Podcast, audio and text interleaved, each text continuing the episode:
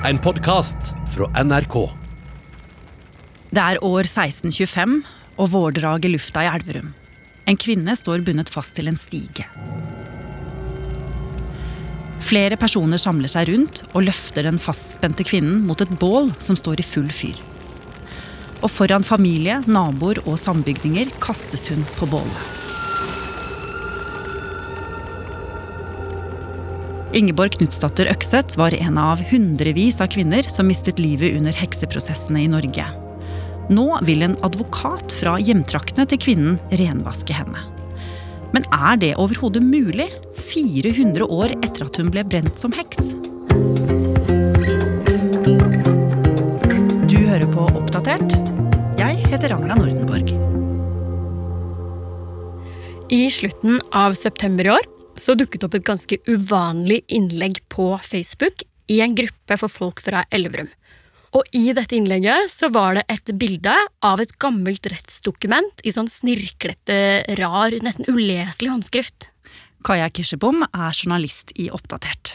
Og dette her, det handlet om en dame som en gang bodde i Elverum.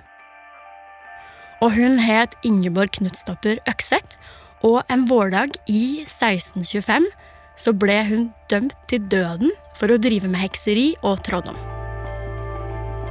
Og kommentarene på denne Facebook-posten de lot ikke vente på seg. Og særlig så var det ett innlegg som skilte seg ut fra de andre. Og det var fra advokat Jostein Løken, som jobber for Advokathuset Elden. Og det Jostein skrev, var at han syntes at dette var en grusom historie, og at han faktisk vurderte om han skulle be om gjenopptakelse for saken til Ingeborg. Ja, og hvorfor ville han det egentlig? Altså, Det lurte jo jeg også på, så jeg ringte til Jostein for å høre hva det var med Ingeborgs sak som engasjerte han sånn. Hei, Jostein. Hei, her er jeg, vet du. Hvorfor engasjerte saken til Ingeborg deg? Eh, Fordi at jeg synes historien var så grusom, den var så bestialsk, og jeg er svært opptatt av rettssikkerhet. Det er jobben min. Jeg tenkte ingen andre enn meg kan gjøre noe med dette. Og for å vurdere om han skulle ta opp saken, ja, da måtte han jo faktisk finne ut om det var noen der ute som kunne historien hennes. Så like etterpå så skrev han enda en kommentar hvor han spurte om det fantes noen etterkommere. Og da raste det inn kommentarer fra flere folk som faktisk var i direkte slekt med Ingeborg. Blant annet en fyr hvor både han og kona hans hadde Ingeborg som sin felles tippoldemor, altså ni ledd tilbake. Jeg syns at det gir et helt annet perspektiv på saken. At det finnes mennesker der ute som tenker på Ingeborg, og som er hennes etterkommere. De skriver at hun er deres ni ganger oldemor. eh, Tolv ganger tippoldemor. Altså, det er mange der ute som har lyst til å delta i prosessen. Og de gir da et eierforhold til det som nå skjer. Og en av grunnene til at såpass mange meldte seg, var jo at Ingeborg kom fra overklassen, og slekta hadde jo i mange generasjoner ført et stort slektstre. Og Kaja, det er jo en ganske spesiell historie Jostein begynte å nøste opp i. Ja.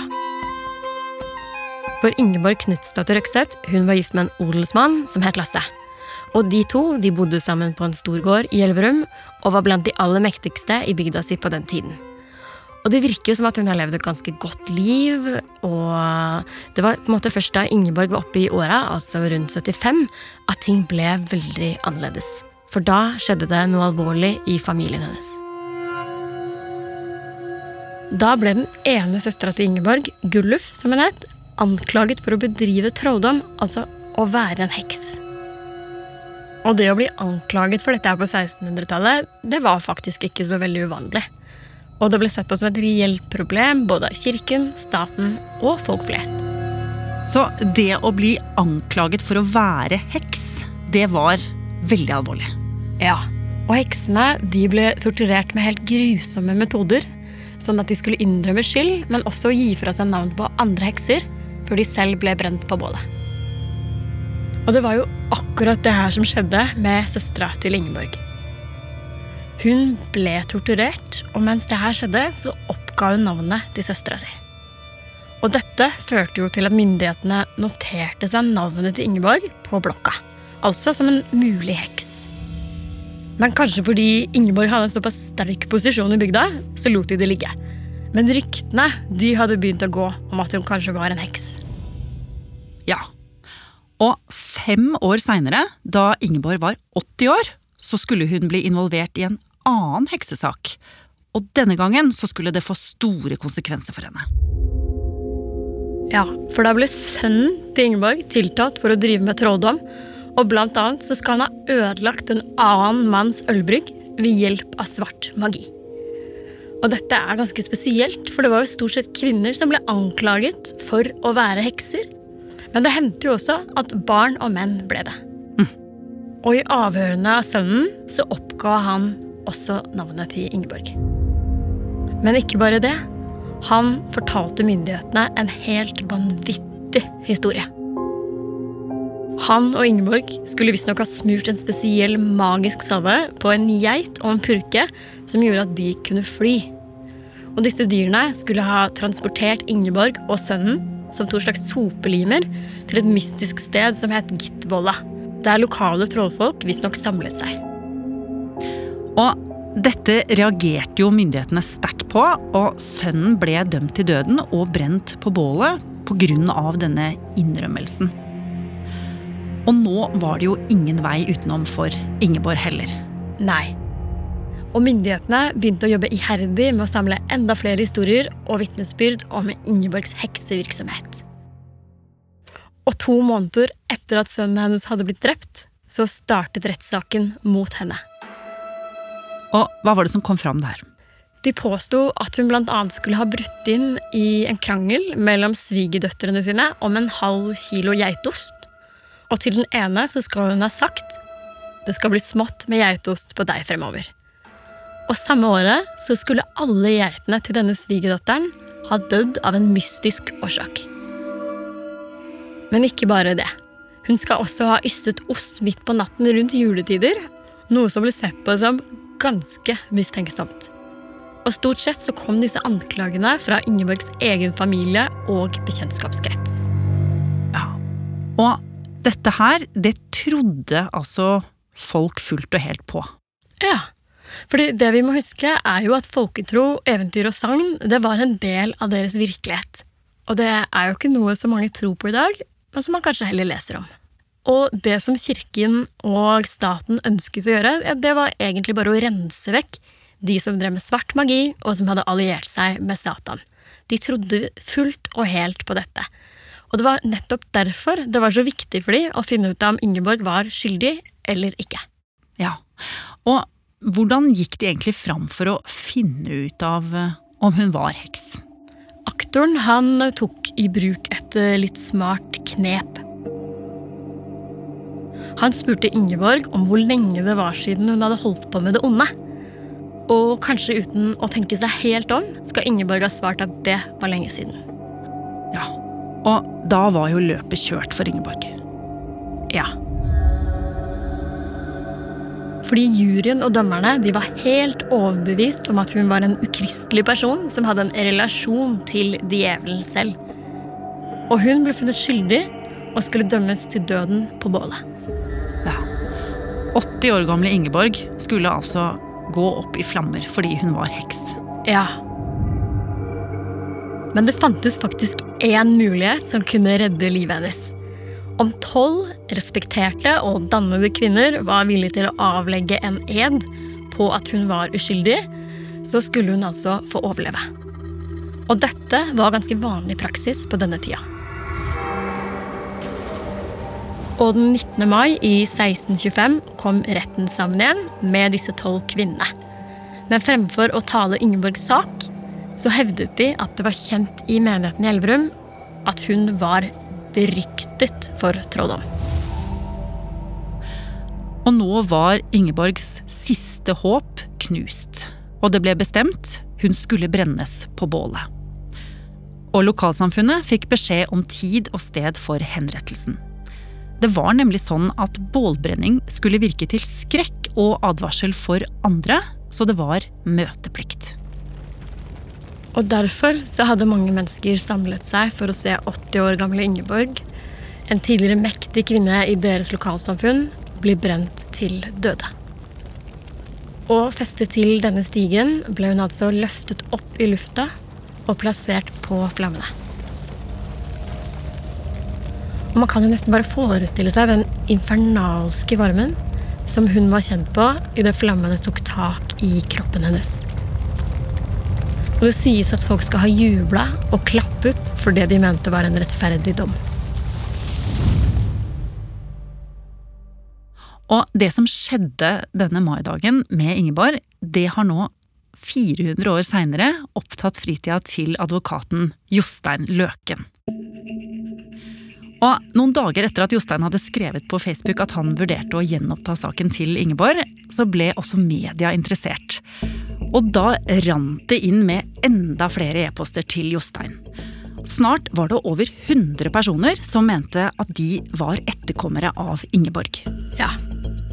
Og Jostein han besøkte noen av disse etterkommerne, og de ønsket virkelig at han skulle skrive et brev til Gjenopptakelseskommisjonen for å føre Ingeborg sin sak. Så nå er det ingen vei tilbake for Jostein. Han har én jobb å gjøre. Ja. Og dette med gjenoppdagelseskommisjon og det å føre Ingeborgs sak for den, hva, hva innebærer dette egentlig? Jo, det Jostein skal gjøre, er at han i et lengre brev skal fortelle Ingeborgs historie og om rettergangen mot henne. Og her skal han også argumentere for at hun er uskyldig, og vise til etterkommerne, og at de ønsker å få saken gjenopptatt. Og om denne komiteen er enig med Jostein, da bestemmer de at en tingrett, trolig i samme trakter som Ingeborg først ble dømt, skal vurdere saken hennes på nytt. Og hvis dette skjer, så kan hun faktisk bli frikjent. Men Kaja, dette her har jo skjedd for veldig lenge siden. Og det å skulle ta opp Ingeborgs sak nå, eh, hva har det å si egentlig? Det lurte jo jeg også på, eh, men han kom med et ganske interessant svar. Ja, Det rørte veldig ved mine følelser. Jeg syns det var så grusomt. Det var så bestialsk. Jeg fikk så vondt av eh, henne. Og jeg tenkte at denne historien den uh, har kanskje mange kvinner opplevd gjennom verdenshistorien, hvor det har vært ekstremt mye overgrep mot kvinner. Og hvis advokat Jostein Løken nå skulle klare å få Ingeborg frikjent, nesten 400 år etter sin død, så vil jo dette trolig bli regna som en historisk seier i retten. Det stemmer, fordi verken Jostein eller hekseekspert Rune Blix Hagen kjenner til at noen har bedt om en juridisk gjenopptakelse for en heks før.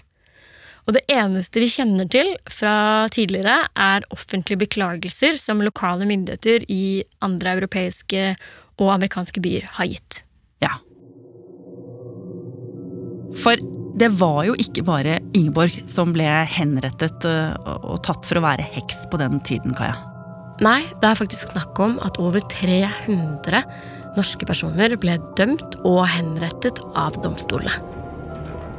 Og folk har kanskje hørt om Anne Pedersdotter, som det til og med er laget filmer og en opera om. Mm. Men aller verst, det var det i fiskeværene i Finnmark. Her skal over 100 personer ha blitt henrettet alene, og metodene de var helt absurde. Der ble folk faktisk utsatt for noe som het vanntesten, hvor de ble bundet og kastet på havet. Og om du fløt, var det bevist at du var en heks, og om du sank, var du uskyldig. Så det er jo ingen tvil om at historien om hekseprosessene i Norge og også i Europa eh, er ganske grusom. Og nå sitter altså denne advokaten i Elverum og forsøker å rette opp i dette. Hva er veien videre for eh, Jostein, som kjemper for sin Ingeborg? Jostein han må sende fra seg et langt brev med hennes historie, der han forteller om det hun ble utsatt for av norsk rettsvesen og dette skal han sende til Gjenopptakelseskommisjonen. Og han er veldig spent på hvordan de kommer til å forholde seg til denne saken. For det her med at det er snakk om en 400 år gammel sak, hvor en dame faktisk har blitt dømt for å være heks, det er trolig et nytt og ukjent territorium for dem også. Mm. Men samtidig så håper han at det bør være ganske grei skuring, for loven den åpner jo opp for at mennesker som er uskyldig dømt, kan frifinnes, selv etter døden. Ja. Og vi kan nok slå fast at Ingeborg var helt uskyldig. Og Jostein han har jo noen teorier på hva som egentlig feilte Ingeborg. Ja, fordi han har en tanke om at hun kan ha vært dement. Hun var jo 80 år gammel, som vi leser av dokumentene. Og Ingeborg skal jo blant annet ha ystet ost da, midt på natten og gjort litt sånn underlige ting. Og helt til slutt, eh, hvis Ingeborg blir frifunnet, snakker vi da om erstatning til etterkommerne, eller er det noe annet som eh, dukker opp som oppreisning? Jeg tror det er altfor tidlig å si noe om, men det kan jo tenkes at dette vil føre til at eh, flere andre av disse sakene vil bli løftet opp i rettssystemet.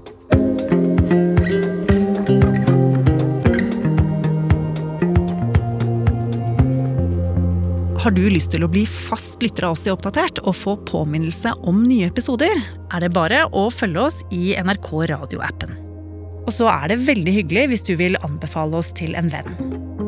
Oppdatert er en podkast fra NRK Nyheter, og denne episoden er laget av Kaja Kirsebom, Ina Swan, Pål Gauslo Sivertsen, Andreas Berge og meg, Ragna Nordenborg. Programredaktør er Knut Magnus Berge.